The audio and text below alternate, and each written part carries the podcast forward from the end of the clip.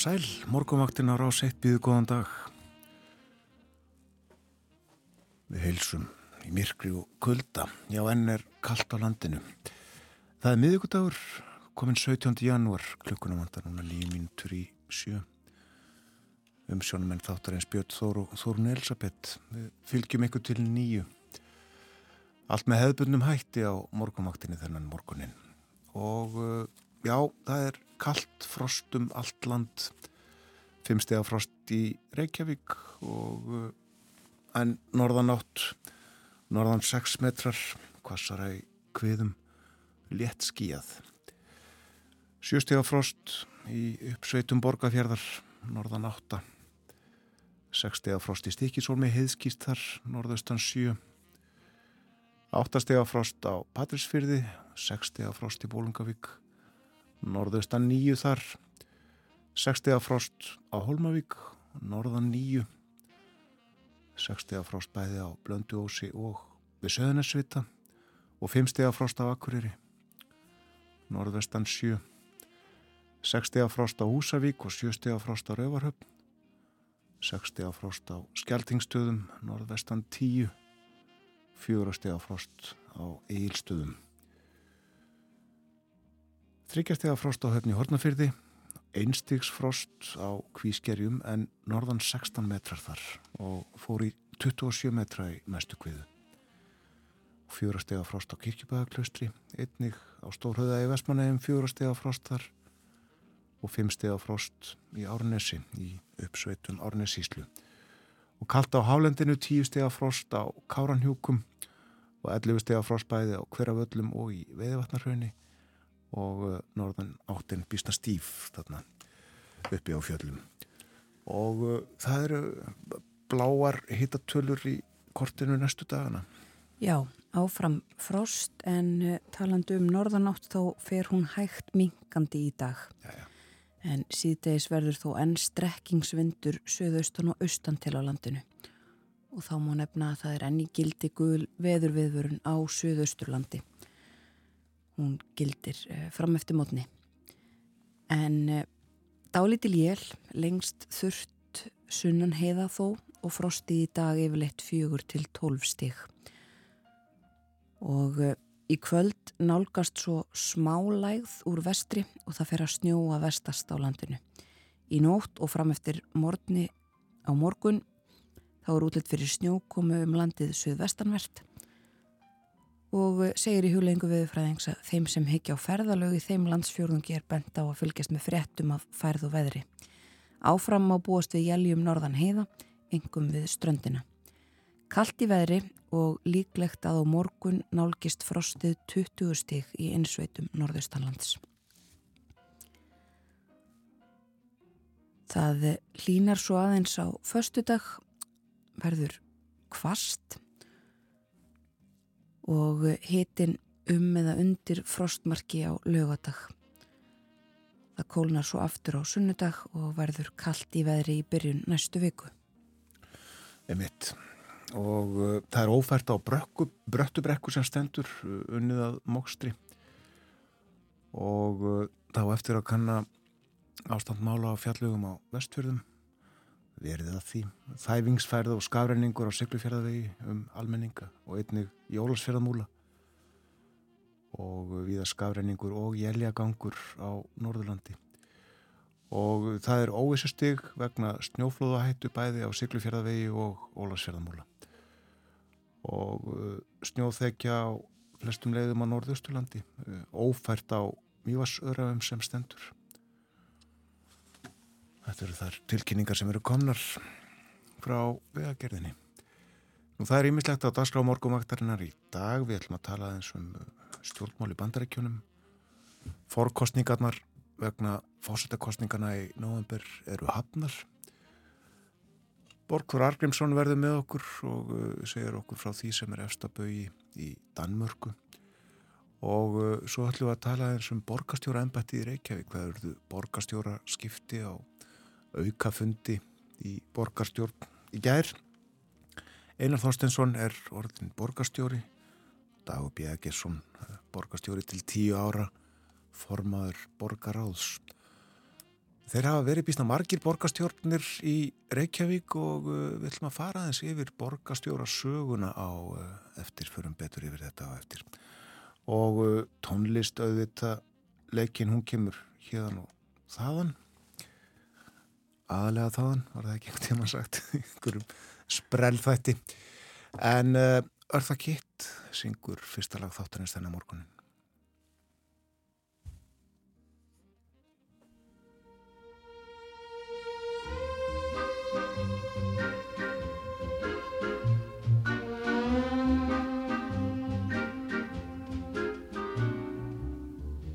Birds do it, bees do even educated fleas do it.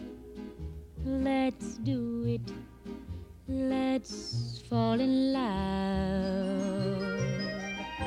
In Spain, the best upper sets do it. Lithuanians and let's do it. Let's do it. Let's fall in love. In old Amsterdam do it. Not to mention the Finns. Folks in Siam do it. Think of Siamese twins, some Argentines without means do it. People say in Boston beans. Let's do it. Let's fall in love. Romantic sponges, they say, do it. Oysters down in Oyster Bay, do it. Let's do it. Let's fall in love. Cold Cape Cod clams against their wish, do it. Even lazy jellyfish, do it. Let's do it. Let's fall in love. Electric eels, I might add, do it. Though it shocks I know.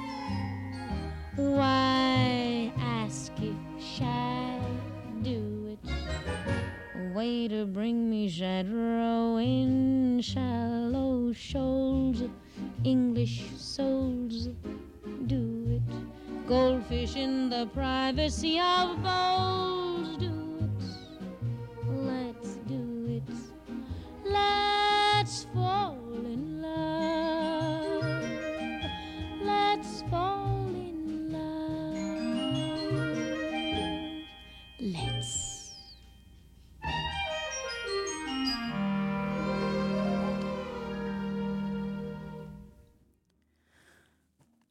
Örða Kitt á morgunvaktinni á rásitt Let's Do It heitir þetta lag.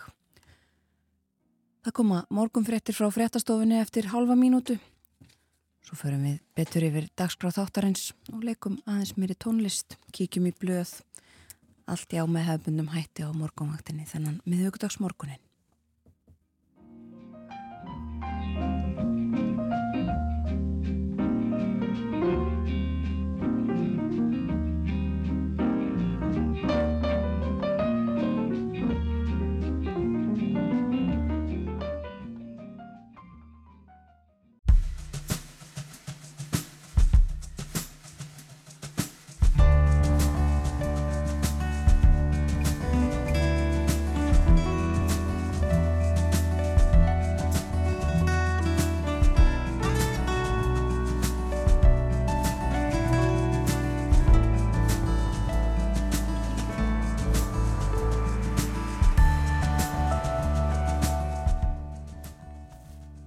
Góðan dag, morgunvaktin helsar miðugudaginn 17. janúar. Umsjónamenn þáttarins eru Þórun Elisabeth Bóadóttir og Björn Þór Sigbjörnsson. Fórsutukostningar verða í bandaríkjunum 5. november. Fórkostningar republikana hófust í Iowa í fyrradag og það fór eins og spáð var. Trump vann yfirburða sigur. Næst er það New Hampshire á þriðudaginn í næstu viku. Fjöllum um fórkostningarnar og pólitíkin í bandaríkjunum með Siljuboru Ómarsdóttur, professor í stjórnmálafráði upp úr klukkan halv åtta. Fridrik Tíundi hefur nú ríkt í Danmörku í þrjá daga. Hann tók við krúnunni af móður sinni við látlösa aðtöfni í Kristjánsborgarhöll á sunnudag. Frá því og fleiru segir Borgþór Argrímsson okkur í spjalliðum dönsk málefni. Hann verður hér hjá okkur eftir morgunfréttunar klukkan átta. Og svo af valdaskiptum af öðrum toga. Einar Þorstinsson varði gær borgarstjóri í Reykjavík. Hann er 20. og annar borgarstjóri höfuborgarinnar Sá fyrsti, Pál Einarsson, hóf störf 1908. Við hlaupum á hundavaði yfir borgarstjórasöguna upp úr klukkan hálf nýju. Það verður kallt á landinu í dag en uh, hægt minkandi norðanátt segir í hugleðingu viðfræðings. Sýtiðis verður þó enn strekkingsvindur suðaustan og austan til á landinu.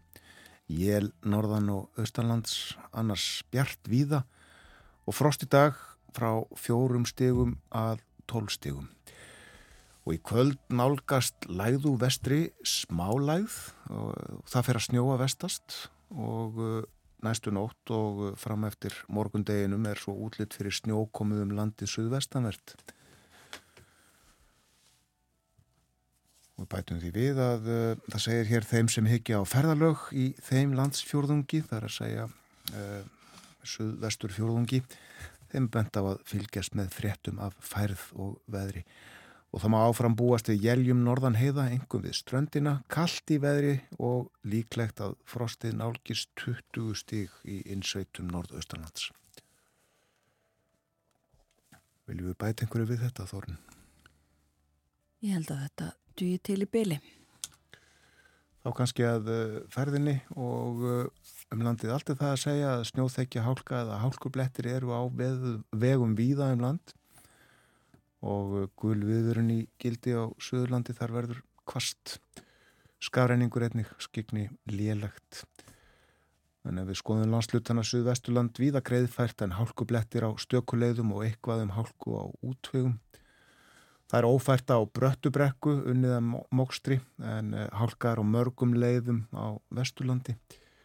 Og hálka hálkublettir eh, á flestum leiðum á vestfjörðum Það er verið að kanna ástandmála á fjallugum víða á vestfjörðum. Norðurland þæfingsfærð og skafrenningur á syklufjörðavegi um almenninga og einnig ólasfjörðamúla og hálka, hálkublettir eða snjóþekja á flestum öðrum leiðum á Norðurlandi, skafrenningur og jæljagangu víða. Það er lokað veginn um uh, víkurskarð og óvissu stíð vegna snjóflóðahættu í uh, gildi á syklufjörðavegi og ólasfjörðamúla. Norðausturland snjóþekja hálka eða hálkublettir á flestum leiðum með jæljagangi það er ófært á mývasöðrafum og einnig á Dettifossvi.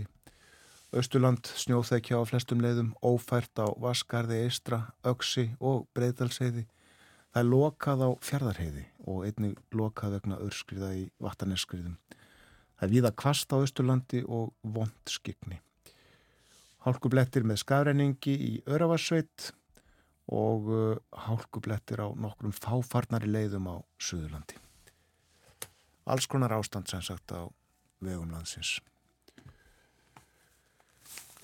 Nýstandi óvisaði fyrirsögnin á forsýðu morgunbladasins í dag og forsýðu myndin tekinn á uh, íbúafundi Grindvikinga í lögadalsöllinni í gær sem að fylst var með í fjölmiðlum í beinni útsendingu og þetta er óvennileg mynd. Hér má sjá tvær hendur Karls og konu. Og uh, má eiginlega segja að uh, á henni sjáist uh, svona andlegt ástand fólks. Þannig er samkend og vendum þykja. Svo er fjallað hér um handbóltalansleikin í gær það fór illa í leiknum gegn ungverjum. Ungverjarnir miklu betri og höfðu á endanum áttamarka sigur en uh, Ísland komið í milliriðil og keppni honum hefst á morgun og uh, fyrstu andstæðingarnir í milliriðlinum þjóðverjar Alfred Gíslason og hans menn. Þeir töpuði gær fyrir frökkum og uh, bæði Þískaland og Ísland stiga laus í milliriðlinum. Leikurinn fer fram annarkvöld eins og aður sagði uh, hefst hálf átta. Og uh, í kvöld uh, hefst keppni í hinum milliriðlinum þessum nummer 2 og eigast við uh, Noregur og Portugal, Danmörk og Holland, Slovenia og Svíþjóð. Að nefna hérna eitt úr morgunblæðinu, innan úr blæðinu, þannig er að uh, Sigurður Haraldsson á afmæli í dag, hann er 95 ára. Sigurður uh, gerði ímislegt um æfina, hann var gjaldkeri kauflags fáskúlsfyrðinga og uh, einni gjaldkeri fristihúsins þar. Og svo flutt hann til Akranes með fjölskyldu sína og hófstör sem bæjagjaldkeri hjá Akranesbæ en flutti 1963 til Stikkisholms og tók þá þar við sem kauflagstjóri og vann hjá kauflaginu í sex ár stopnaði þá útgerð með fjórum öðrum, flutti svo til Reykjavíkur og held áfram útgerð og uh, gerði skip út frá Stikisholmi, Ólasvík og Reykjavík og gerði þetta 1993 þegar hann hætti. En Sigurður, hann uh, var í frálsum íþróttum sem ungur maður á farsúsfyrði og kefti fyrir leikni. En hætti tvítur.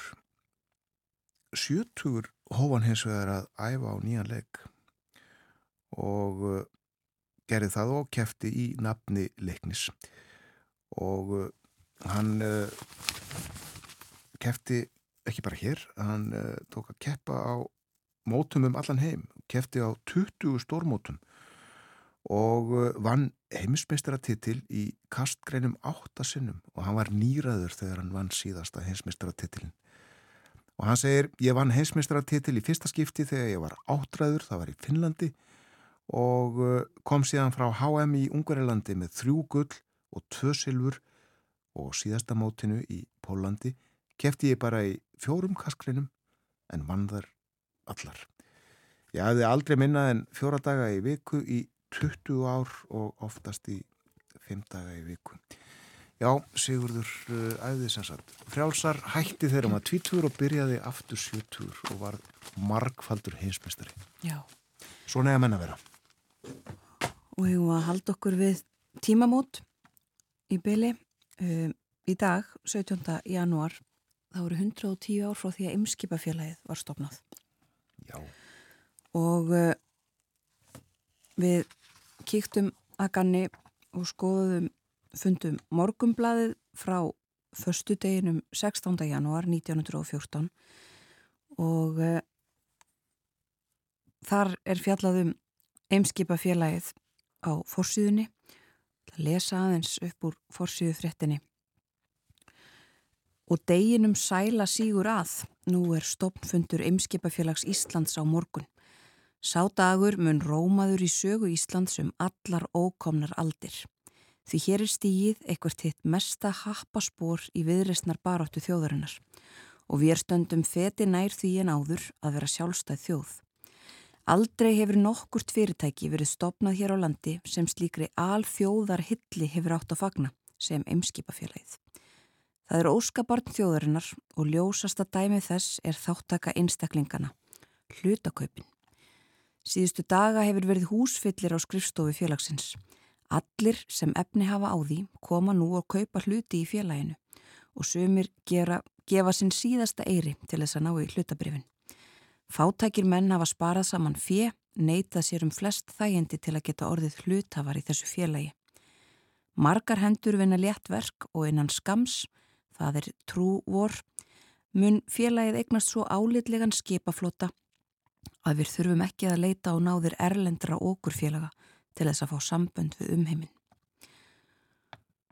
Og þarna sínist okkur að hafi í fyrsta sinn verið fjallað um eimskipafjallaði sem óskabarn þjóðarinnar og það var jú gert uh, marg oft í kjölfarið árin og áratugina og eftir en uh, það hefur nú ekki verið notað mikið uh, undan farin ár. Nei, má kannski geta þess að uh, þetta hugtak óskaparn þjóðarinnar hafi áður verið notað einhverjum áratugum fyrr Já. og þá um stjórnarskrá. Já, uh, upp úr 1880 þá var þess getið í einhverjum uh, blöðum að stjórnarskráin væri óskapat þjóðarinnar og kannski líka má nefna það að tvisvar eða þrisvar á blöðum, í blöðum á þessum tíma sáum við líka talað um Háskóla Íslands sem óskapat þjóðarinnar. Já, já 110 ár frá því að uh, einskipafélagi var stofnað og uh, þarna var vísað í skrif morgunblaðsinn sem var stofnað fáinu mánuðum áður. Já, Vilhelmur Finnsen held ég að það hefur rittstjóri á þessum tíma, hann hefur öruglega skrifað þetta. En uh, einskipafélagið uh, lendi í remmingum eftir hrunið, uh, skuldsett og uh, er starrakt í dag á annari kennitölu en þessari upphaflega. lítum þá aðeins út í heim, aftur til dagsins í dag og uh, frétta utan úr heimi. Um, nefnum það að uh, það fer fram uh, Davos ráðstefnan þekta þessa dagana og uh, ekki í fyrsta sinn sem við segjum frá því að uh, þar komi ofur ríkt fólk og segi við stjórnmálamenn skatleggið okkur. Þetta hefur verið uh, núna nokkur skipti þar sem að skrifaður undir bref, opi bref og hvað til þess að gera breytingar á kerfum. Það eru nú yfir 250 uh, miljardamæringar sem að kræfjast þess að uh, pólitíska elitan eins og það er orðað hér í þessari frétt sem ég er að lesa uh, sem að hittist í Davos uh, komi á laginnar uh, svona auðlegar sköttum til þess að borga fyrir uh, betri almána þjónustu í heiminum. Þarna eru meðal annars uh, eigandi Disney, uh, Brian Cox Rockefeller uh, erfingjar og töluvert fleiri. En ímislegt að, að gerast þarna í Davos, þar var líka Volodymyr Selenski Úkrænufórseti uh, var ekki svona eins og uh, oft undanfarin missari að uh, byggja ríki heimsum meiri vopn eða aðstóða því leiti, hann baðum uh, aðstóð við friðar áætlun Úkrænumann og uh, hún hefur þegar hlóti stuðning fjölmarkra ríkja en uh, rússar hafa aftur á móti hafnað uh, henni algjörlega.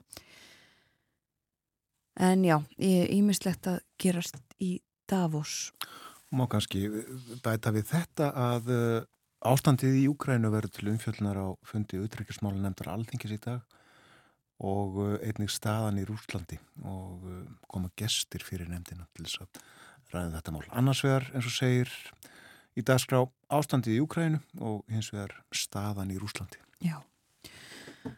Og uh, af fleiri frettum við heyrðum í frettatímanum hér áðan klukkan sjö að uh, það hefur verið tilkynnt að Ísrael og, og Hamas samtökun hafi komist að samkominlægi um að hleypa frekari mannúðar aðstóð inn á gasasvæðið til óbreyttra borgara þar um, í skiptum fyrir að uh, gíslar sem að enn eru í haldi Hamas og annara samtaka á gasa, Ísraelskir gíslar, fái aðgang að ymsum e, livjum og slíku.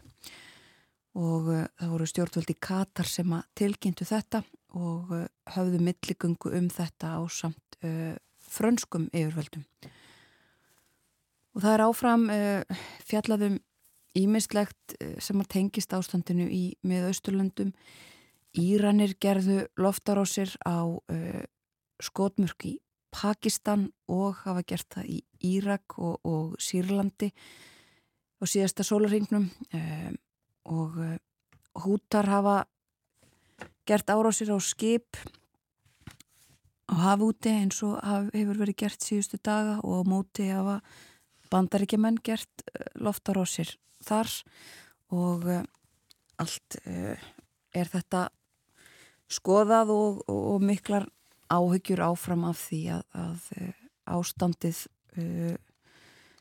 versni enn og, og breyðist út meira ofbeldi. Nú, í Breitlandi ætla ég að nefna það að e, það er eins og við nefndum minnir mig í gerðmorgun uppreysni í, helsloknum. Það raungerðist um, yfir 60 þingmenn í helslokksins sem eru mótfallnir frumvarpir í sísúna kvossetis á þeirra um uh, um innflytjandamál, um hælisleitendamál og það að senda fólk til uh, Rúanda. Uh, voru þrýr að minnstakosti hátsettir sem að sögður hennilega af sér ennbættum innan flokksins til þess að geta greitt atkvæði gegn fósittisráðurunum en frumvarpið í heilsinni verður tekið fyrir í þinginu í kvöld og uh, þá kemur þetta í ljós hvernig þetta fer og uh, annað úr breskublöðunum uh, það var hér umfjöllun töluverðum posthús skandalin risastóra í Breitlandi í heimsklukanum í síðustu viku Aldeilis. og nú er sagt frá því á forsýðum fjölmarkra breskra blada að fyrirtækið sem að sá um hugbúnaðinn og, og þetta allt saman Fujitsu vissi það í mörg ár, vissi það snemma að það væru þarna einhverjir gallar og eh, ekki allt eins og það átt að vera og hefur komið fram núna og, og eh, ég fórsvarsmenn þess og sagt eh, við þurfum auðvitað að borga, við berum hérna ábyrð. Og við minnum á það innan skams ræðum við um bandarísk stjórnmál, við hefum hún á Silliboru Ómarsdóttur profesor í stjórnmálafræði hingað til okkar að ræða stöðumála í eh, bandaríkjunum. Fyrir þá í uh, gungutúr eh, með Bill Joel um Manhattan.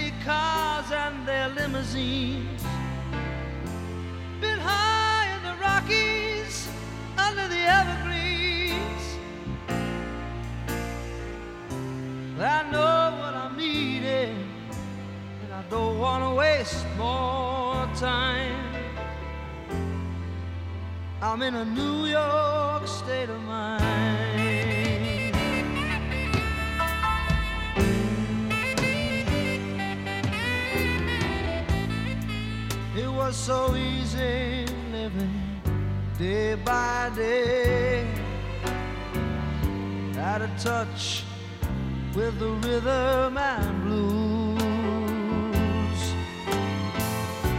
But now I need a little give and take. The New York Times, the Daily News.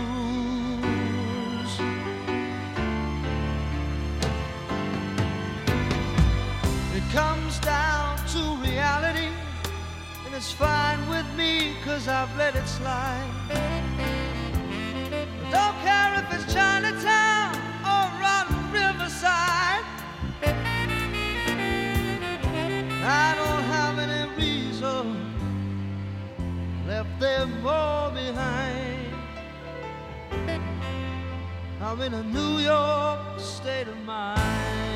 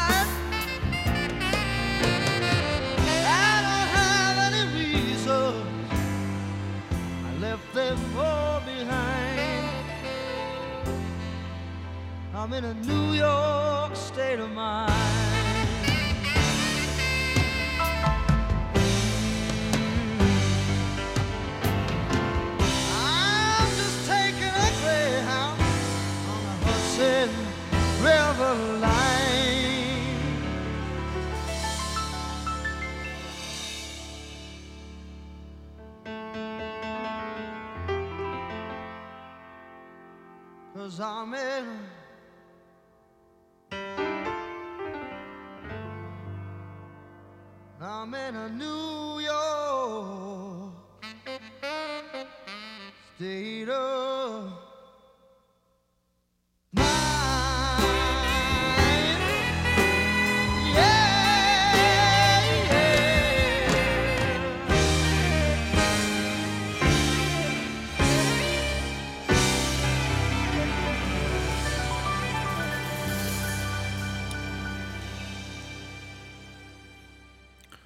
Þetta var Billy Joel og uh, lagið New York State of Mind af plötunni Turnstile sem að koma út 1976. Hann hefði búið í nokkur ár í Kaliforníu, Los Angeles, en uh, var að flytja aftur heim, hann er frá New York og uh, sandi þetta lag New York State of Mind. Og uh, á þessari plötu líka lagið uh, Say Goodbye to Hollywood Hollywood kvöld já uh, líka sungið um Miami. Það líður að yfirleitt til morgun frétta hjá okkur og uh, eftir þær þá ætlum við að fjalla um stjórnmál í bandaríkunum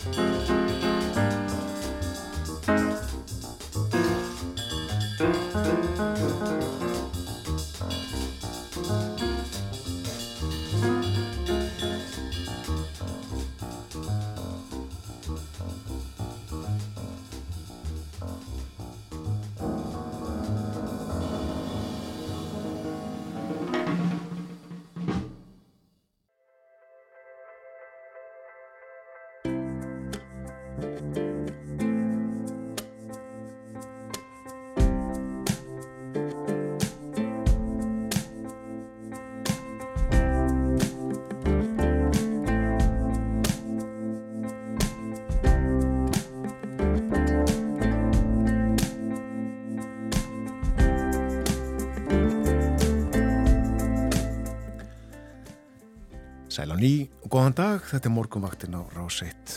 Klukkan réttliðilega hálf átta. Miðugudagur í dag kominn 17. janúar. Um sjónumenn þáttarins Þórun Elisabeth Bóadóttir og Björn Þór Sigbjörnsson. Rétt að huga þess að veðrinu veður horfunum. Já, það er mingandi norðanátt í dag, 8 til 15 metrar á sekundu söðaustan og, og austan til síðdegis en annars hægari vindur. Dálítil jél en lengst af þurft sunnan heiða og frosti í dag yfirleitt fjögur til tólf stig. Það fer að snjóa á vesturlandi sent í kvöld og á morgun verður áfram norðuleg eða breytilega 8-5 til 13 metrar á sekundu og allvíða jél norðanlands.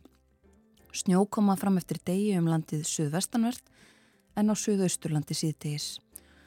Og frostið á morgun þrjú og uh, allt niður í 20 stig í einsveitum norðaustanlands. Það verður svo kallt í veðri áfram á förstu dag en hlínar eftir hátegi, sérstaklega sunnan til á landinu. Hittin um helgin eða þar að sjá lögadag verður svo ykkur staðir í kringum eða rétt undir frostmarki en kólnandi veður á nýja á sunnudag. Og það er snjóþekki á vegum víða, engum á norð-austurlandi og austurlandi og uh, það er líka megin reglan fyrir fjallvegi. Nú, uh, hér á þá líku við óð til New York borgar eftir Billy Joel og nefnum að ganni að setna í þættinum munum við flytja, ekki flytja, leika lag um Reykjavíkur borg. Við ætlum að tala, fara aðeins yfir borgarstjóra sögur Reykjavíkur tilefnið auðvitað borgarstjóra skiptin í gær þegar Einar Þorsteinsson tók við ennbættinu af degi bjöggesinni. Nefnum líka að Borgþór Argrímsson verður með okkur eftir frettinnar klukkan átta og eitthvað munum við nefna Kristján Tíunda konung sem að, já, nú hefur verið konungu síðan á sunnudag. Já, val, valdaskipti. Friðrik Tíundi konungur. Já. já. Það hefur gæst áður og mun eflust gerast aftur. Já, uh, valdaskipti svona ábörandi kannski á, á morgunhóttin í dag. Uh, það eru mögulega valdaskipti uh, framöndan í bandaríkjónum að minnst okkarsti fórkostningar ímiskonar hafnar þar og fyrsta fyrst í kjörfundurinn fór fram e, í byrjun þessara viku, það voru republikanar í Æjóa og við ætlum að tala um uh, þessi mál allsömmul og pólitíkina í bandaríkjónum næstu mínútuðnar. Til okkar er komin Silja Bára Ómarsdóttir, professor í stjórnmálafræði við Háskóla Ísland sem var að leiðrætt okkur hérna rétt að velkomin á morguvaktina Silja Bára. Takk, takk. Ég hveti ykkur til að flytja Reykjavíkuborg. Já, Já. við ætlum að tala um þetta, svona það sem er framöndan en byrjum á að tala um sko uh, það sem er svona ný uh, búið að gerast, Já. þessar neðustöður í mm -hmm. Iowa. Uh, Donald Trump bar sig úr bítum. Það kom, já, engum á óvart.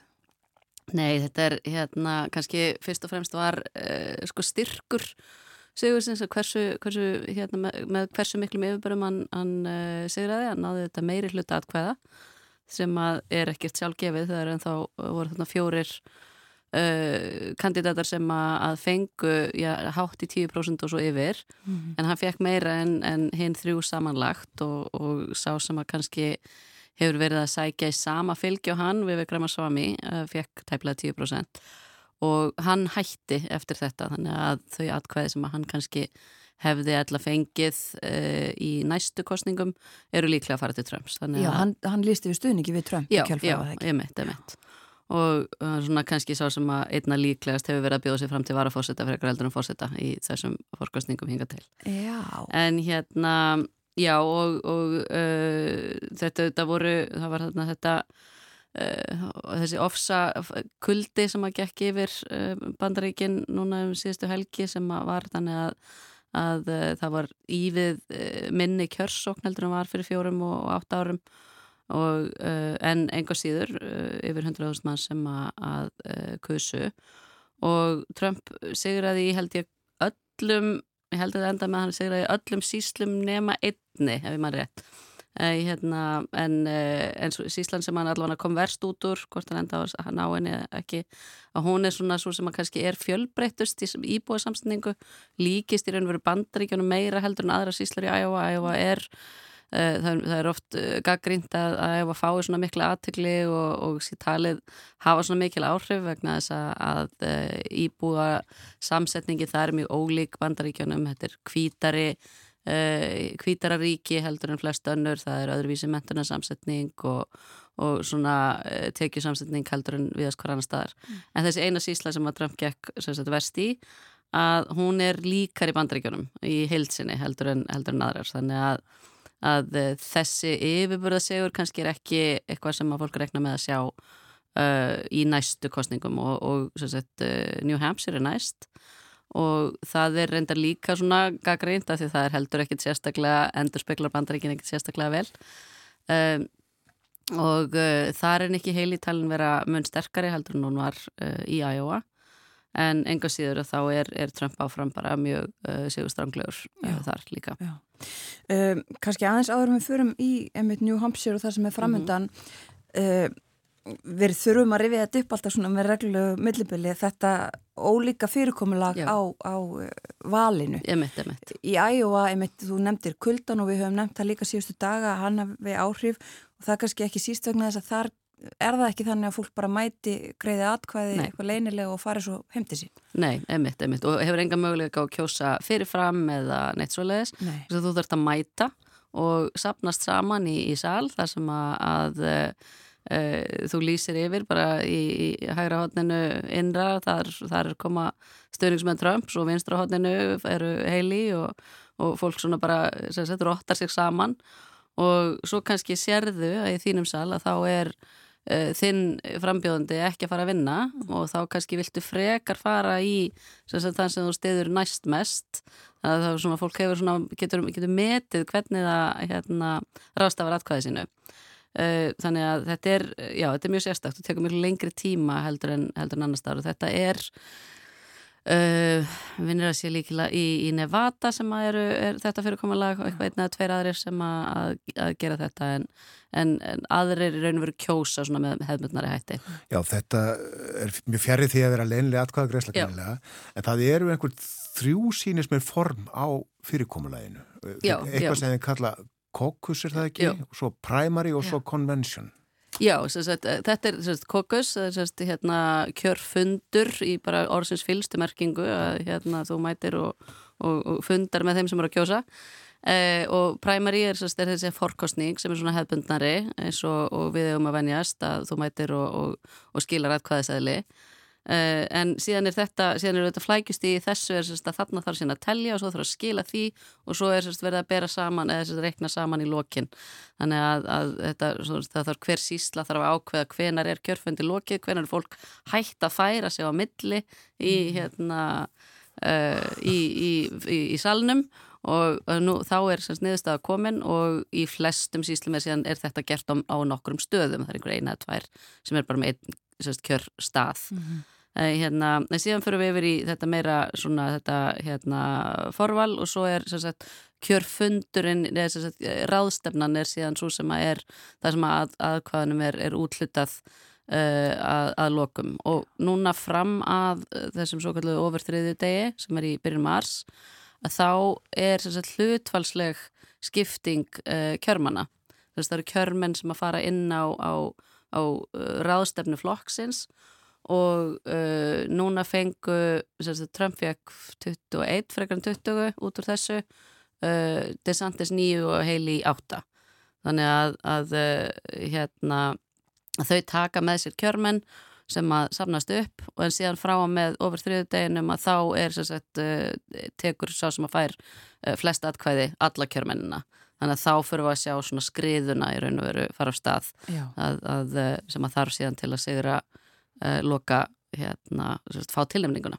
Ríkin uh, eiga mismarga kjörmenn 40 þarna í AEOA og, og svo dæmis er tekið 162 í Texas. Emitt, emitt, já, svona svipaði eins og, og hérna kjörmennir í fórsta kostningunum sjálfum, samskonar hlutfell á bakvið uh, frambjönduflokkana Akkurat, já og frambjöndunir uh, eru komnir til New Hampshire uh, Donald Trump hafi viðkomi í New York og mætti í dómsal. Eh, Ron DeSantis síndist mér fór fyrst til Suðu Karolínu. Já, það er næst á eftir, hann telur sér ekki eiga mikla möguleika síns mér í New Hampshire Já. og hérna Uh, og sem ég held að sé alveg rétt hjá hann að hann fór bara til Suðu Karolínu það virka ágjörlega fyrir Joe Biden fyrir nokkrum árum, fjórum árum uh, hérna Biden sá það, ég heldur sér að, að, að New Hampshire er ekki að fara að ganga vel hjá sér, þannig að hann fór beint til Suðu Karolínu. Uh, Demokrater, kannski svona auka, hérna, demokraterna er ekki að kjósa, eða þess að Biden er ekki að kjörselinum í New Hampshire, þannig að New Hampshire neitaði að taka þátt í því að vera að Biden fór fram á það við demokrataflokkin að, að Suðu Karolína er þið fyrst hjá þeim. Að, hérna, e, og uh, New Hampshire er ekki tilbúið til að lúfa fyrir því að þau hafa svona sögulega haft þetta að vera fyrsti, hérna, fyrsta fórkost, fyrsti fórkostningarnar. Og strykuða hann út. Já, þannig að hann bara er ekki á kjörselunum þar. Og kannski annað einskot, demokrater ákveðu líka vera ekki með svona kjörfunda fyrirkomulega í Æjóa. Mm -hmm. Já, þannig að þeir eru að gera svolítið breytingar. Já, og, já. Sest, já, og eru í raun og veru það sem að Biden uh, er raun og veru búin sannfæra flokkinum, eru Suðu Karolína endur spekli bandaríkin meira Uh, og þar ætti að vera fyrsti kjörfundurinn það sem að hefur meira áhrif á hvernig landslægi mótast í, í fórkostningunum. Og af því að við erum að tala um uh, demokratana, sækist einhver annar eftir útnefningu hans heldur en Biden? Uh, já, Marianne Williamson er ennþá sagt, í frambóði fyrir flokkin uh, Robert Kennedy Jr. hann dróð sér tilbaka og, og, og er fyrir fram sem óháður en, hérna, en, en flokkurinn hefur ekki séð ástæðu til þess að vera að halda til dæmis kappræður eða annað sem að, að hérna yfirleitt er í gangi þannig að það er ekki, ekki talið að hún hafi svona teljandi áhrif á, á útkomuna. En það verður forvalið að forkostning í öllum þessum ríkjum? Að forminu til að minnstakosti vegna þess að, að, að frambjöðandi þarf að hafa stuðning ríkjana og það er alltaf uh, þessi stóri stóra uh, landsraðstefna flokkana er alltaf að sumri mm. þar sem að, að frambjöðandi teku við tilnefningum og þannig að ríkin þurfa að, að velja sinn frambjöðanda. Þetta þarf að hafa sinn gang. Uh, Já, New Hampshire í næstu viku og uh, ég bara, hvað hva gerist þar? Hvað er líklegt að gerist þar? Mm. Það er, uh, Trump auðvitað hérna, hefur áfram ágætis fylgi þar. Uh, Heili hefur verið svona alveg að glefsja helan á honum og hún svona auðvitað hefði viljað ná öðru sætinu í Iowa, það lág alveg fyrir að, að það er ekki fyrsta held ég. En hérna, hún þarf svona að sannfæra kjósundur þar um að, að að uh, það borgi sig að mæta á kjörstað og, og kjósa og hún hefur töluverðan stuðning og meðal annars uh, hefur ríkistjónu þar líst yfir stuðningi við hana. Um, það er svona heili er svona kannski aðeins öðruvísi frambjóðandi heldur en uh, DeSantis og, og sérstaklega Trump. Hún verist hafa fylgi þeirra sem á svona segja að skapgerð skipti máli til þess að fara með þetta ennbætti hérna, en kjósundur hennar eru líklegasti til að segja að þeir munu ekki kjósa Trump ef, ef hann sigrar. Þannig að, að Trump eru auðvitað að nota það þannig að hann er núna ráðast meira gegn henni heldur en gegn DeSantis uh, og svona, ég held að hann líti á hana sem sterkari uh, keppinut til lengri tíma þó hann hafi ekki, ekki náðu öðru sætinu í, í Iowa. Já. Uh, en já, en þannig að núna er New, New Hampshire er, það er mjög skemmtilegt hérna, fyrirkomulega, mjög lítið ríki.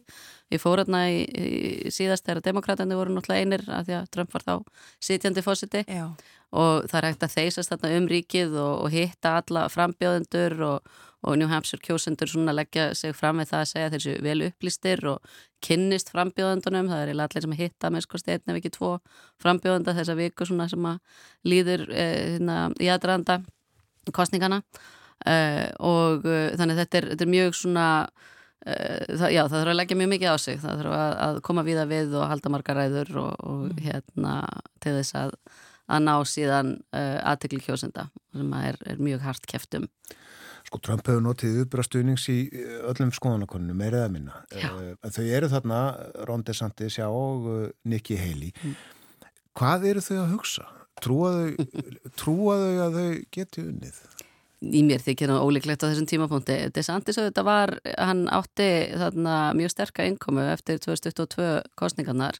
Það sigraði með miklu með yfirbörðum í, í uh, Florida og talin svona uh, bóðberi nýra tíma í halsreifingunni og það var svona snirtilegri útgáfa af Trump, hann er með ekkert ólíkar stefn, ekkert ólík stefnumál en uh, hérna svona viðkunnalegri áferð á honum yfir brað um, en það einhvern veginn bara dalaði mjög hrætt og hann misti svona svolítið uh, fylgið og, og Trump auðvitað hefur líka bara skotið föstum skotum að honum. Um, ég held að hann eigi ekki hann, hann var með mjög sterka kostningaherrferð í Uh, í Iowa uh, kom í uh, allar 99 síslutnar með sko steinu sinni og, og hérna og svona var sagður hafa sérst, já, sterka tæknilega útfærslu en kostninga sérst, stjórnin hans verist ekki vera nógu sterk. Að, það er svona hann missir missir nokkra bolta og svona þannig að ég held að hann muni ekki ég geti trú að hann detti út eftir kannski já, ætlan hangi ekki inni fram að, að ofur þriðu deginum eitthvað svo leiðis en Heili held ég að muni halda áfram uh, já eins lengi hún allan hefur fjármang til. Hún hefur greiðilega sterka svona fjárherslega stuðningsmenn uh, bæði kókbræðuna uh, sem eru svona yðnjöðurar uh, mjög íhaldsamir uh, hérna og uh, er líka gertna tengt við hergagniðinaðin og áhrifavalda svona áhrifamikla fjármang sem sagt fjármagseigundur þar þannig að hún já, get, gæti haldið áfram tölvöld lengi Já, já, við sjáum hvað setur en þú talar um peninga, þetta já. kostar óhemmi fjárhæðir eða ekki? Jú, ég er ekki með kollinu lengur sko, voru, þetta voru orðinni miljardar uh, hérna þegar Obama var í frambóði og það eru, það eru 16 ár síðan sko, þannig að þetta eru, þetta eru gríðarlega miklu peningar og, og fólk þarf að eiga Uh, ekki bara uh, hérna, uh, fjársterkar stuðningsaðla heldur margast líka. Og ég voru að lesa eitthvað bara um, um DeSantis og einhvern sem að er að stiðja hann og sá einstaklingur hafi gefið 20 miljónir dollara í, í frambóð DeSantis.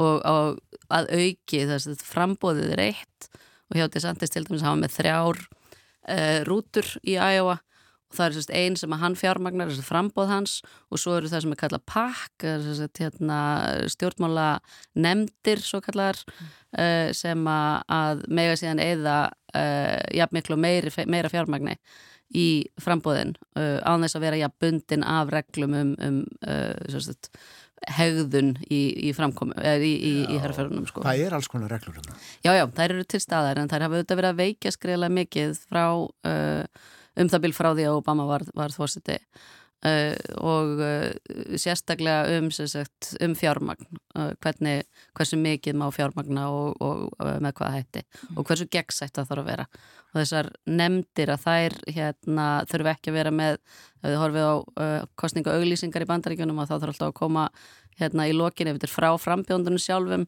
Ég heiti Silja Bara Ómarsdóttir og ég stið þessi skilabóð uh, hérna, uh, en ef það eru nefndirnar þá þarf það ekki að koma fram og þá má vera með mjög skítuðar árásir á, á anstæðingana Akkurat. Sko uh, Það hefur greinlega lítil áhrif að eh, Trump er, eh, eins og nefndum áðan, eh, dómsölum viða og það er alls konar máli gangi gegnunum, kjósendur verðast ekki setja það fyrir sig. En það eru þarna þessar tilröðinni til þess að komunum af kjörsalunum hreinlega viða. Er það líklegt til að hafa eitthvað að segja?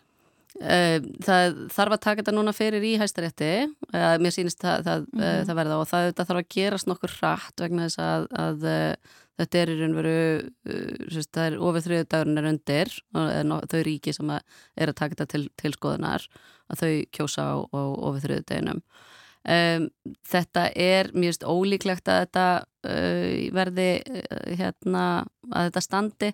Þetta eru reyndar, þetta eru ólíkar nálganir. Það er sérst í uh, hérna uh, í Colorado þá var þetta dómur uh, eða dómstól í var ekki New Hampshire sem að að hérna að þar var þetta uh, hérna framkvæmtavalds ákvarðun uh, þessu hefur verið hafnað í Oregon og víðar mm þannig að, að þetta eru mál sem er í gangi á mörgum stöðum.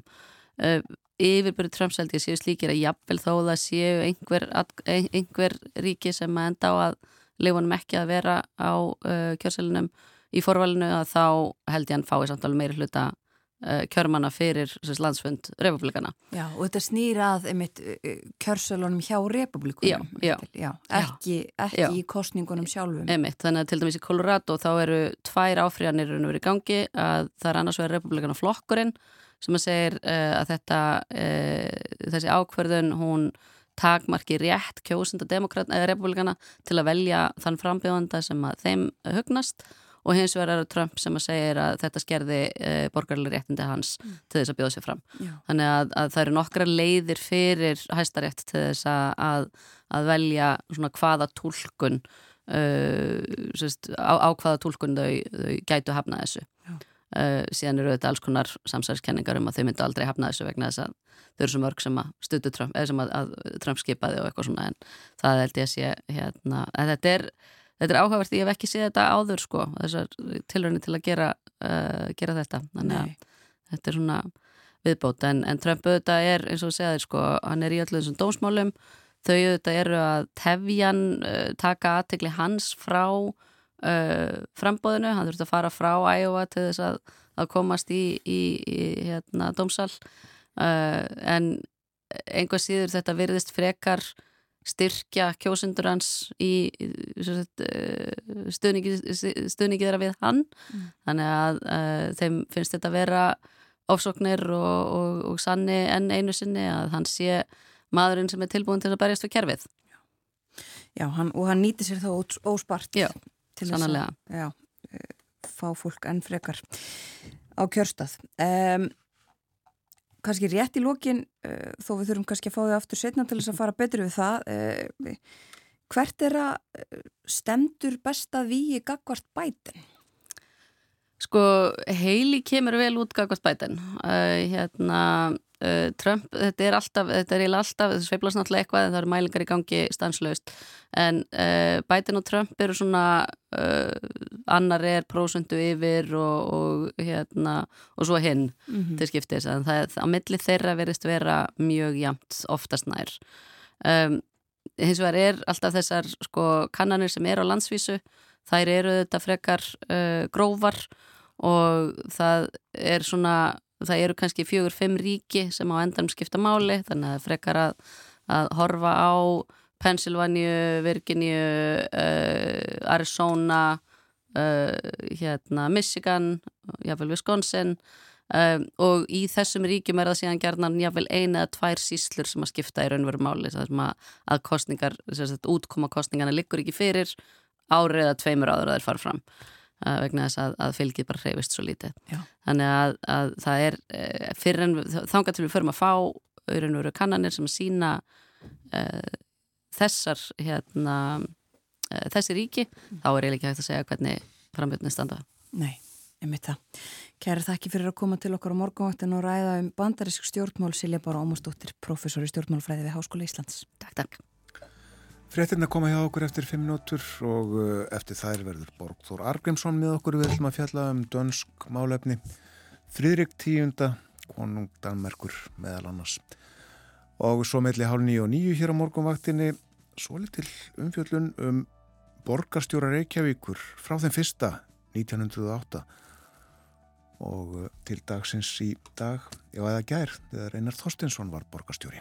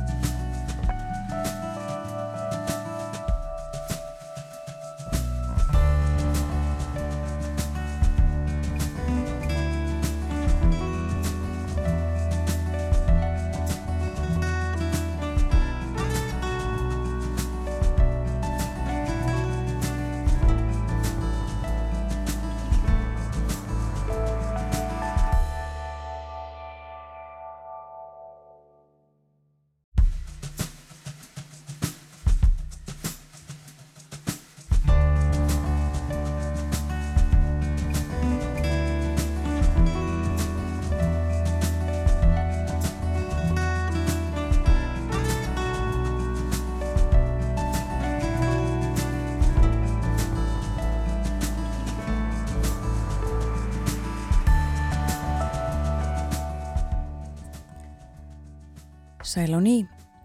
Þetta er morgumvaktin á rás 1. Klukkan er tæpar 6 mínútur gengin í nýju og það er miðugudagur í dag, komin 17. janúar. Það var farið ágætlega yfir veður horfurnar í frettatímanum hér rétt áðan. Það er norðanátt, það er kallt og uh, það eru dálítil jél víðast hvarum landið og fer að snjóa á vesturlandi sent í kvöld þegar það nálgast smá lægð úr vestri. Það verður kallt áfram næstu daga. Á morgun getur frostið farið allt niður í 20 stig í einsveitum norðaustanlands.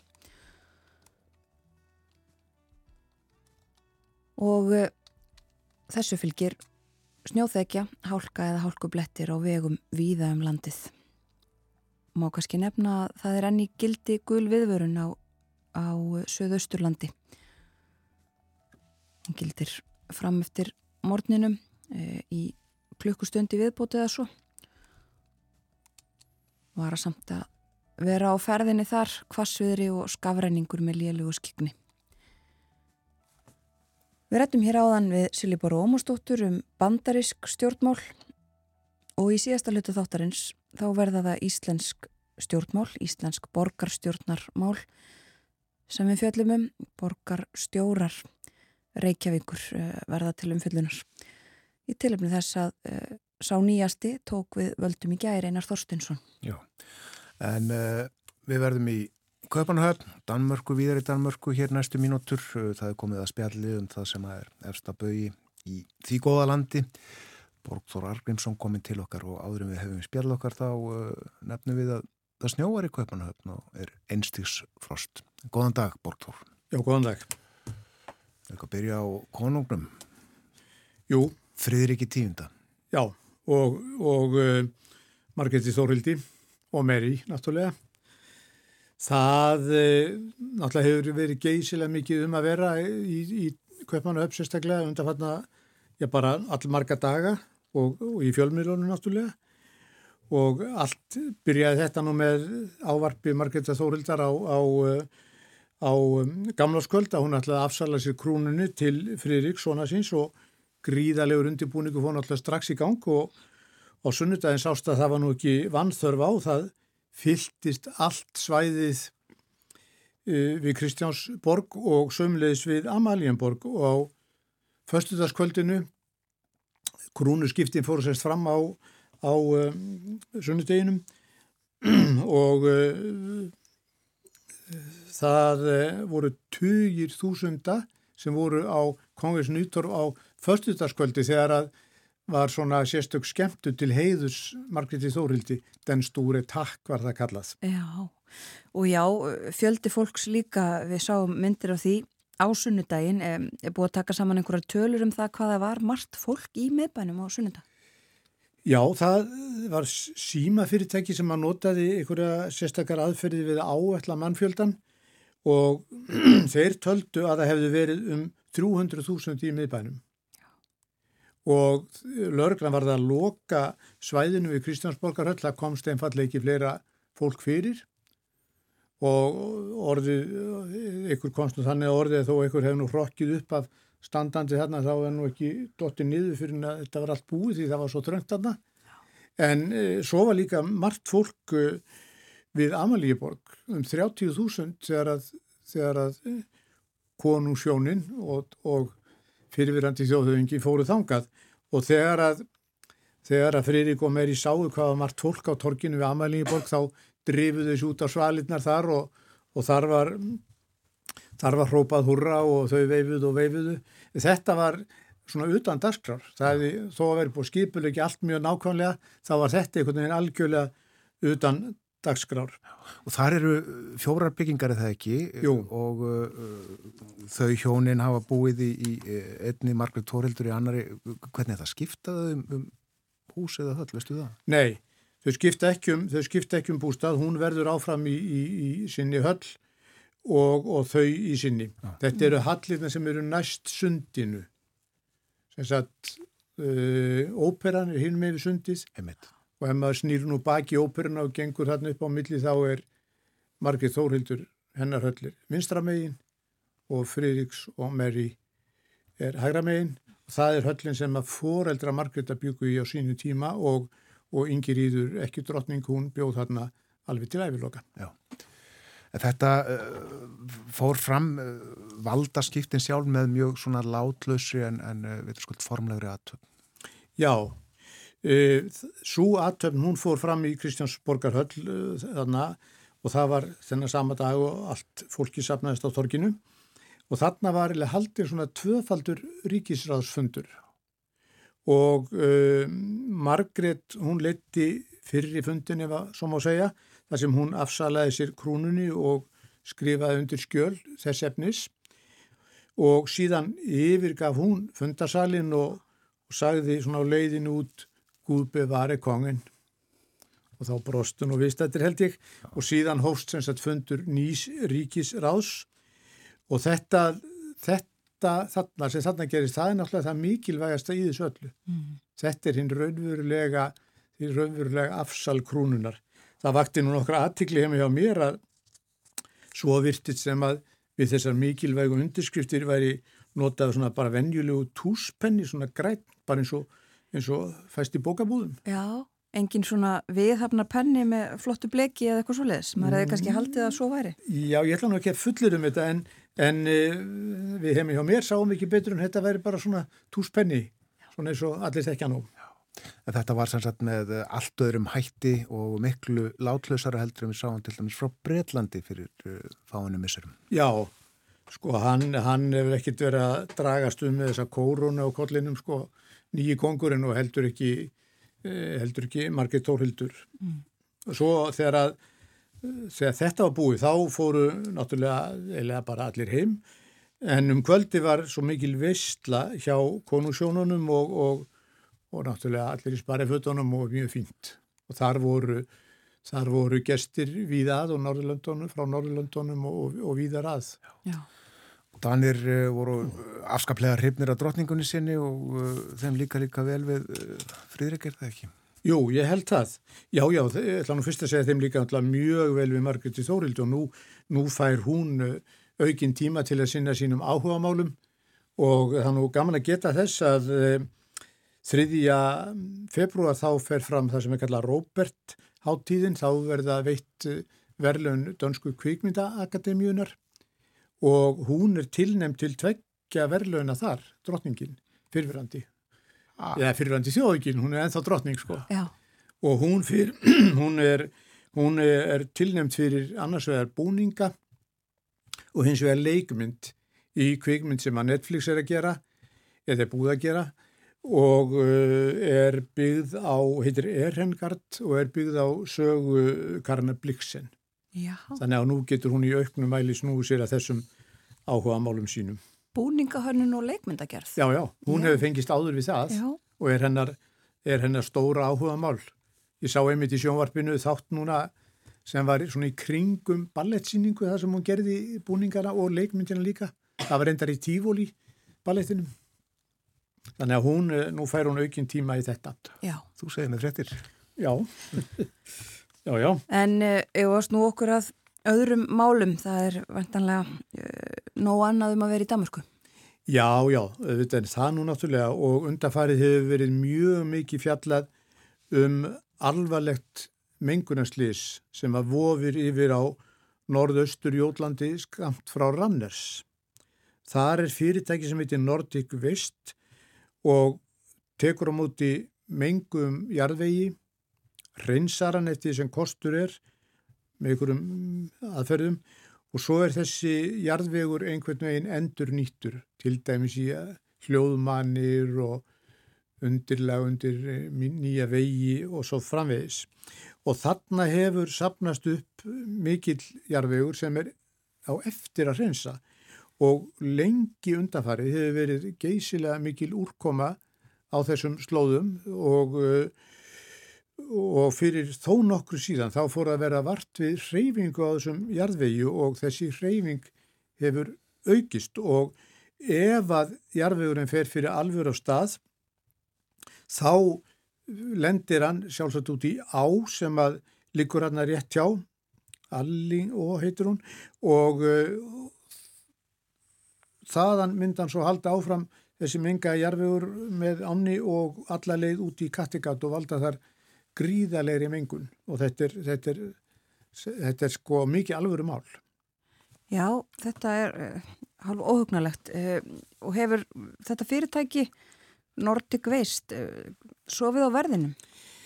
Ég ætla nú ekki að dæmi það en, en, en, en það lítur nú svona þannig út og þetta er, þetta er sko ekkert smá magn að vera að tala um þrjár miljónir kúbíkmetra og það segju nú okkur þetta borð kannski ekki sérlega mikið en núna undanfarið þá hafa verið fjarlægð 450 stór vörubílslöss en það er 0,3% af þeim jarðvegi sem að þyrti að fjarlægja til þess að, að komi vekk fyrir að þetta gerir. Svo er talin aukinn hætt á því að, að jarðvegurinn hann getur hreinlega runnið yfir smábægin Ölst sem er hérna fast við og bara drekt tónum hreinlega í mold og drullu. Já, við höfum nú stundum talað um uh, úrkomu uh, og, og veður í, í Damörku. Megin orsökin er þessi mikla úrkoma sem að nú hefur verið uh, síðustu daga eða já, bara lengri já, tíma? Já, lengri, lengri tíma, lengri tíma. Þetta er náttúrulega einhvern kapplöp við tíma, það hefur verið að vinna núna og, og fyrirtæki Nordic Waste þeir og, og, og bæjastjórnin í Ranners og yfirvöld þar þau svona gerðu nú lengi lítið úr þessu og nú held ég að alvaran sé nú runnin upp fyrir, fyrir öllum og um, ríkistjórnin hún ákvað núna bara gær að leggja 200 miljónir, það eru, hvað er það, 4 miljardar cirka íslenskir mm. í, í þetta verk og því að fyrirtæki það bara segist ekki ráða við þetta. En, en minnst á úrkomuna, árið í fyrra var úrkomu mesta ári í Danmörku allavega síðan veðurbælingar hófust. Það, svo var líka mikið um ofsaveður, storm og, og, og tilherandi flóð, því að Danmörku nú flaði svo með panikæði eins og við segjum stundum. Já.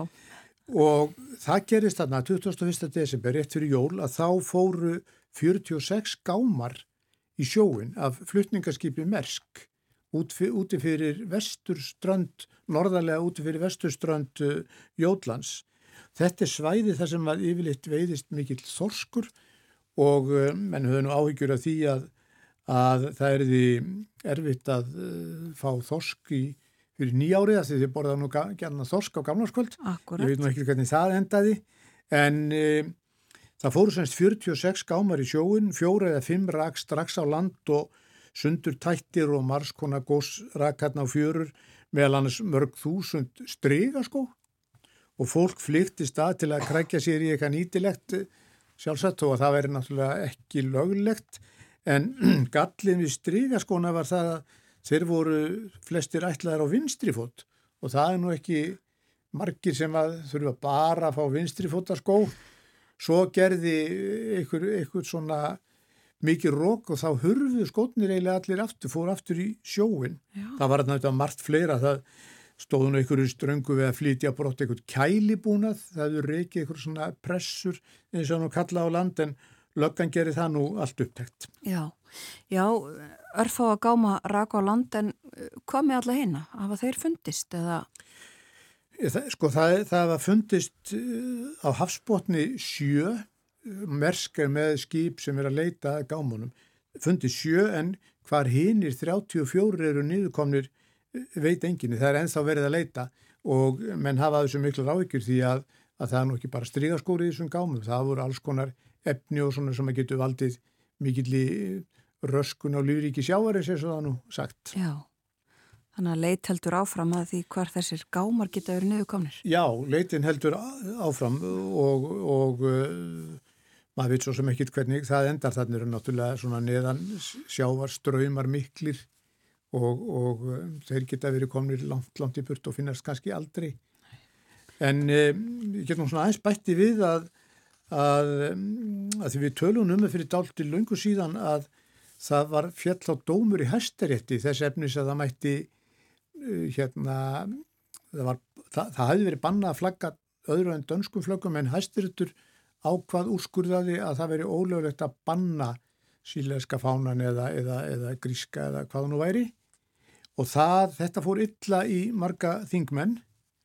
Það var einhver bandaríkja maður sem að kerði þetta, búsettur í Danmarku og uh, nú er komið er að, er að koma fram frumvarp þar sem að veru tekið afdráttalust á þessu og farið það í gegn sem er þingmeiri hluti fyrir, þá verður bannað að flagga öðrum flöggum en því danska Já. danska þjóðfánanum Og stuðningur við þetta sem sagt, Danir vilja bara hafa danska Já, fánan uppi já, við. já og það verða bara einhverju örfáur undatekningar sko við sendir á þinn og við einhver svona algjörlega sérstök tilvík en að örleiti er það bara danski fánin Við erum eitt með danska fánu hér hjá okkur á borðinu. já, Hvað he- he- heitir svona bo- borðfáni eða sta- standfáni eitthvað já, stíl? allt, já, það kallist ekki bara borðfáni, ég hugsa það nú Já, já, hann er löglegur sem sagt. hann er löglegur. Er hann löglegur hér á Íslandi? ég veit hann ekki allavega hérna inn, á þessari, inn í þessari hljóðstofu Jú, jú. segjum engu frá því Og Danir eru auðvitað hrifnir af fánanum sínum og Mjög. fjölmarki fánar á lofti þegar að uh, Margret Þórildur og, Friðrik uh, höfðu þessi valdaskiptum helgina en uh, já, þá mikil, mikil, mikil mikil uppgripa tímar hjá fánasölum auðvita. já, Uh, en við ætlum að snú okkur aftur kannski aðeins að, að þeim því að, að, tenging þar við uh, danska lagið sem er alls ekkit danst í þetta skipti.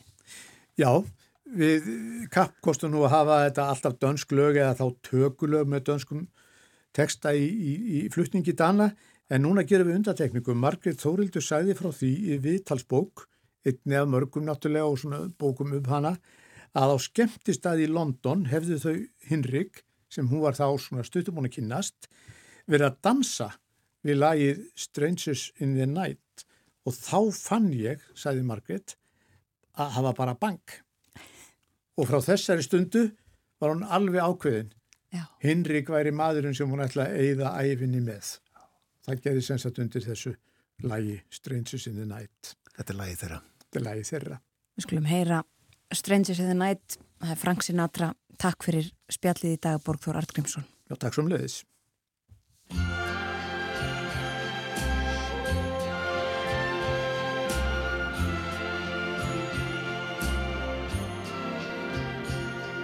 Strangers in the night, exchanging glances, wandering in the night. What were the chances we'd be sharing love before the night was through? Something in your eyes was so inviting, something in your smile was so exciting, something in my heart told me I must have you. Strangers in the night, two lonely people, we were strangers in the night. Up to the moment when we said our first hello, little did we know love was just a glance away, a warm embracing dance away. And ever since that night, we've been together, lovers at first sight. In love forever, it turned out so right for strangers in the night.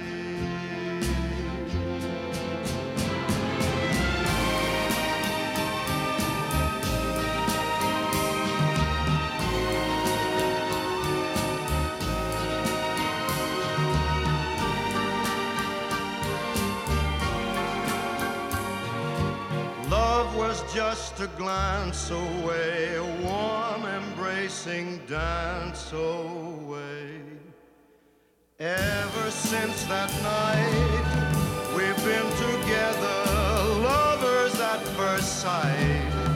In love forever, it turned out so right for strangers in the night.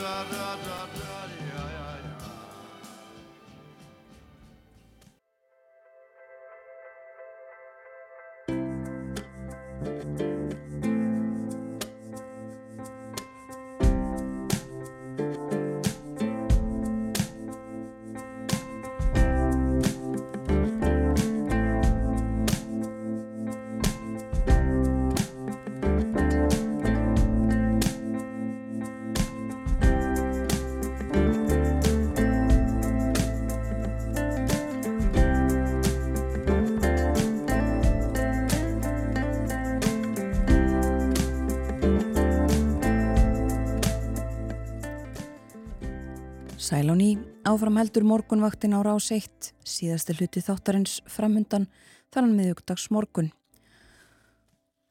Og fyrir þau sem voru að vakna, uh, förum við að sé verið veðurhorfurnar á landinu. Það er minkandi norðanátt í dag. 8 til 15 metrar á sekundu suðaustan og austan til síðdegis en annars hægari vindur. Dálítil jél en lengst af þurrt sunnan heiða. Frostið yfirleitt á bylinu 4 til 12 steg í dag og það fer að snjóa á vesturlandi senkt í kvöld og í nótt. Á morgun verður norðlæg eða breytilega átt á landinu 5-13 metrar á sekundu og allvíða jél norðanlands. Snjó koma fram eftir degi um landið suðvestanvert en svo á suðausturlandi síðdeis. Og frostið á morgun þrjú til, já, alltaf 20 stig. Stigum, eh, kaldast verður í innsveitum norðaustanlands. Það verður svo austlæg átt á förstu dag, stöku jél og áfram kallt í veðri en vaksandi austanátt sunnan til á landinu eftir hádegi og hlínar. Þá verða líka 15 til 23 metrar á sekundu og snjókoma eða slitta sint um kvöldið. Hittin verður svo emmiðundi frostmarki á laugadag og það kólnar aftur á sönnudag. Janúar veður í janúar á Íslandi.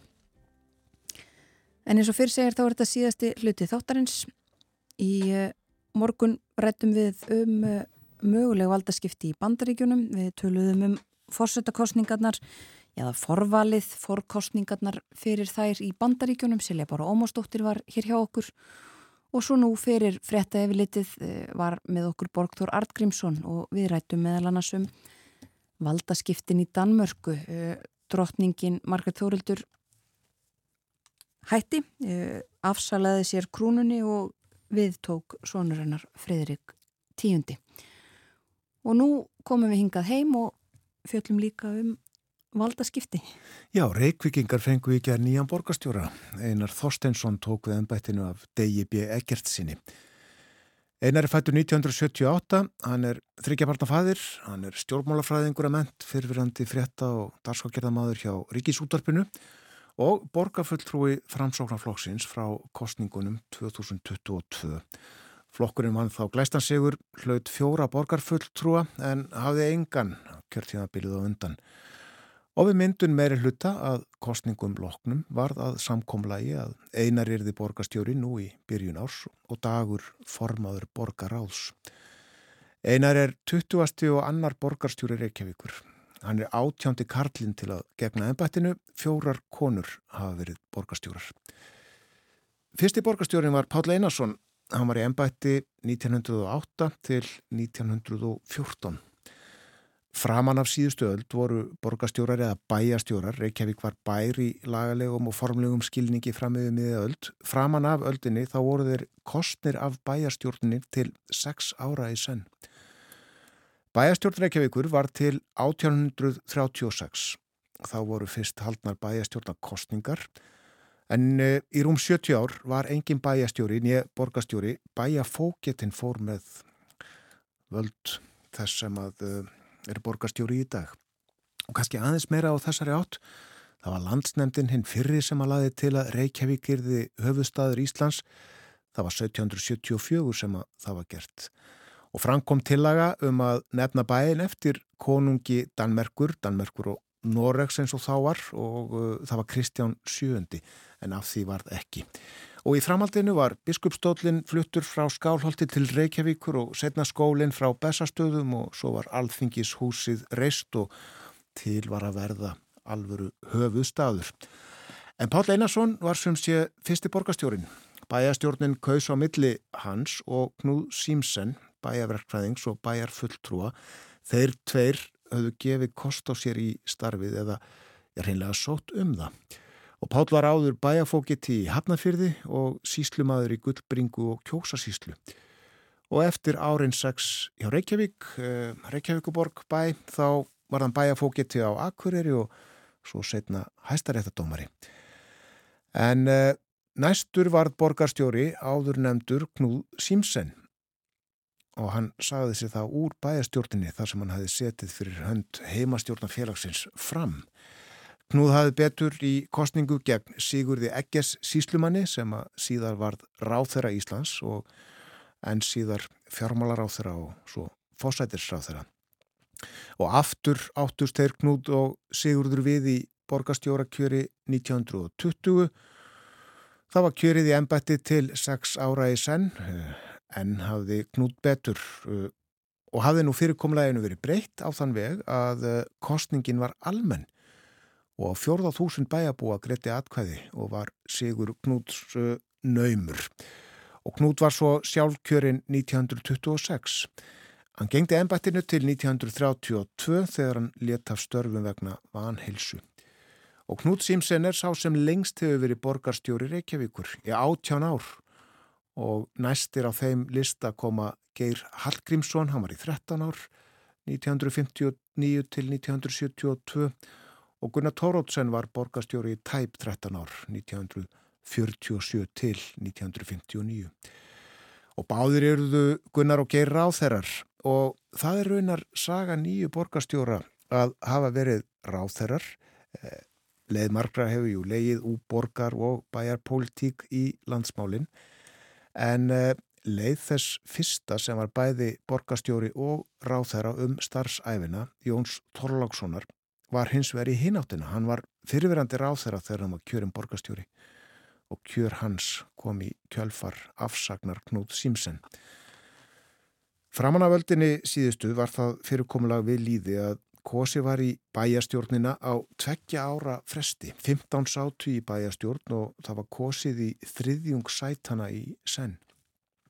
1908 var listakostning við höfði Reykjavík í fyrsta sinn og voru þá fjölmarkir listar bóðinni fram og þeir voru að ymsu tægi, það var kvennalisti, listi yðnaðamannafélagsins, listi góðtemplara, listi landvarnarmanna, listi þjóðræðismanna, listi kaupana og listi sjómana.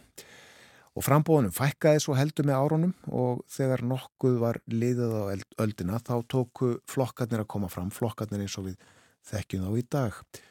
Og 1930 var kosið eftir nýjum lögum, kosið var um alla 15 bæjar fulltrúana í senn. Þrýr flokkar buðu fram, sjálfstæðisflokkurinn, framsóknarflokkurinn og alþýðuflokkurinn. Og sjálfstæðisflokkurinn fekk meiri hluta þarna í kostningunum 1930 og hjælt honum næstu áratvíina.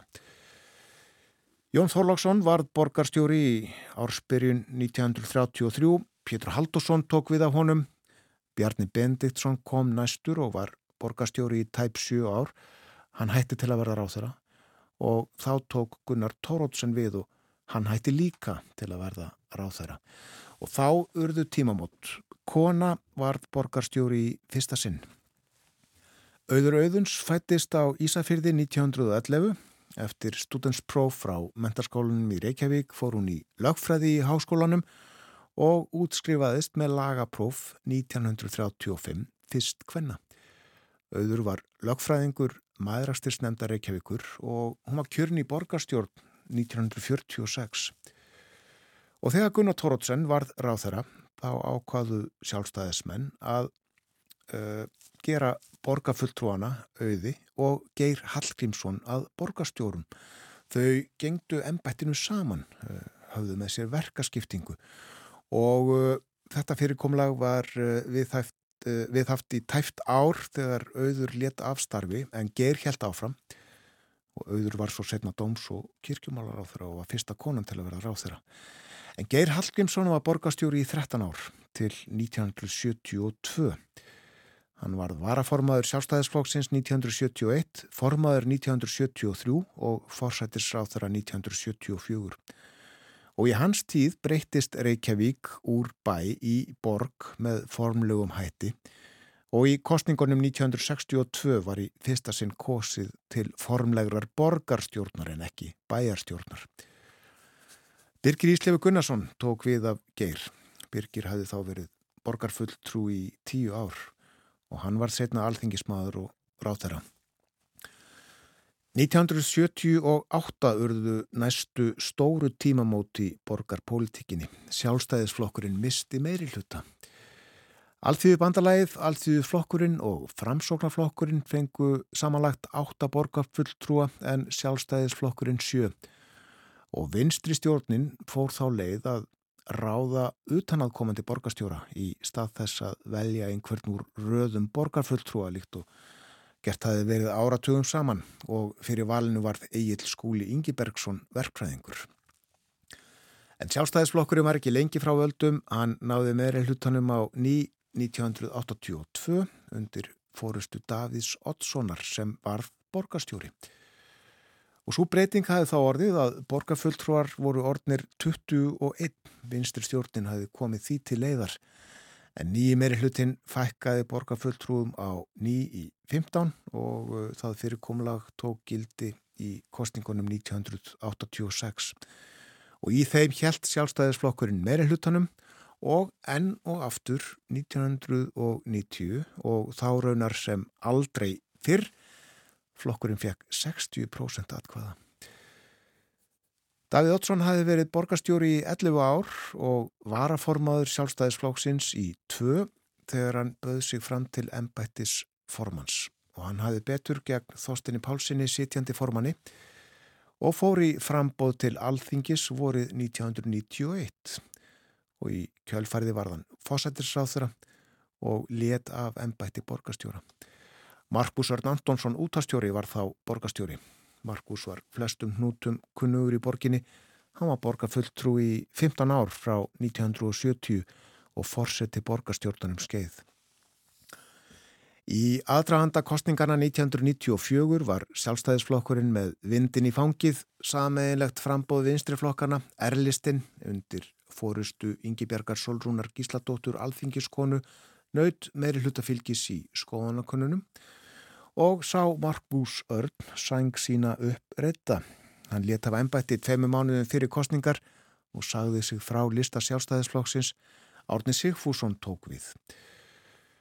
Úslitt kostningana voru í samræmi við skoðanakannanir. Sjálfstæðisflokkurinn misti meiri hlutan og Árni Sigfússon vek úr borgarstjórastólunum fyrir Ingi Björgu Solrúnu og átneði sá sem skemst hefur verið í ennbætti borgarstjóra Reykjavíkur. Hann var borgarstjóri í 87 daga. Hér hefur verið stiklað á stóru í bæjar og borgarstjórasögu Reykjavíkur frá 1908 Tilefnið er borgastjóra skiptin í gær þegar Einar Þorstensson tók við ennbættinu af Degi Bjækjarsinni. Og við hlaupum nú yfir atbyrðarás síðustu rétt rúmlega 20 ára. Ingi Björg Solrún var borgastjóri til 2003 í nýju ár. Hún var fósættisráþara efni samfylkingarinnar í alþingiskostningunum það ár, en flokkurinn hæði þá ekki erindi sem erfiði. En í framhaldinu varð hún formaður samfélkingarinnar og svo ráð þeirra í ríkistjórninni sem að tók við völdum 2007. Þórólfur Árnason tók við borgastjórastarfinu af Yngibjörgu en hann þurfti svo að segja af sér vegna samráðsmáls oljufélagana og steinun Valdís Óskarsdóttir borgarfulltrúi varð borgastjóri. Þórólfur var í ennbætti í um eitt og hálft ár steinun Valdís líka. En þannig var að undir fóristu Vilhjálms þóttn Vilhjálmssonar borgarfulltrúa til margra ára þá náðu sjálfstæðismenn vopnum sínum á nýji kostningunum 2006. Samstarfinu um Erlistan hefði þá verið slitið. Vilhjálmur varð borgarstjóri í meiri hluta með framsóknarfloknum en það samstarf varði aðeins í eitt og hálft ár.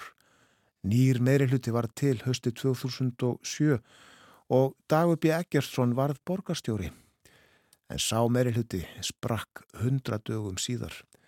Þá varð Ólafur F. Magnússon borgastjóri. Hann gengdi ennbættinu í sjö mánuði þegar meiri hlutin sprakk enn og aftur og uh, setni tvö ár kjörtímabilsins var Hanna Byrna Kristjánsdóttir borgastjóri. Og er að segja að enn einn tímamótin hafi orðið í borgapólitíkinni 2010. Besti flokkurinn undir fórustu Jóns Gnar, listamanns og skemmtikrafts hlaut bestu kostninguna og myndaði meðri hluta með samfélkingunni. Jón varð borgarstjóri og Dagur B. Eggertsson formaður borgaráðs. Jón hætti afskiptum af stjórnmálum að kjörtíðanbylnu loknu og eftir kostningarna 2014 varð Dagur borgarstjóri og hann leta vembætti í gær.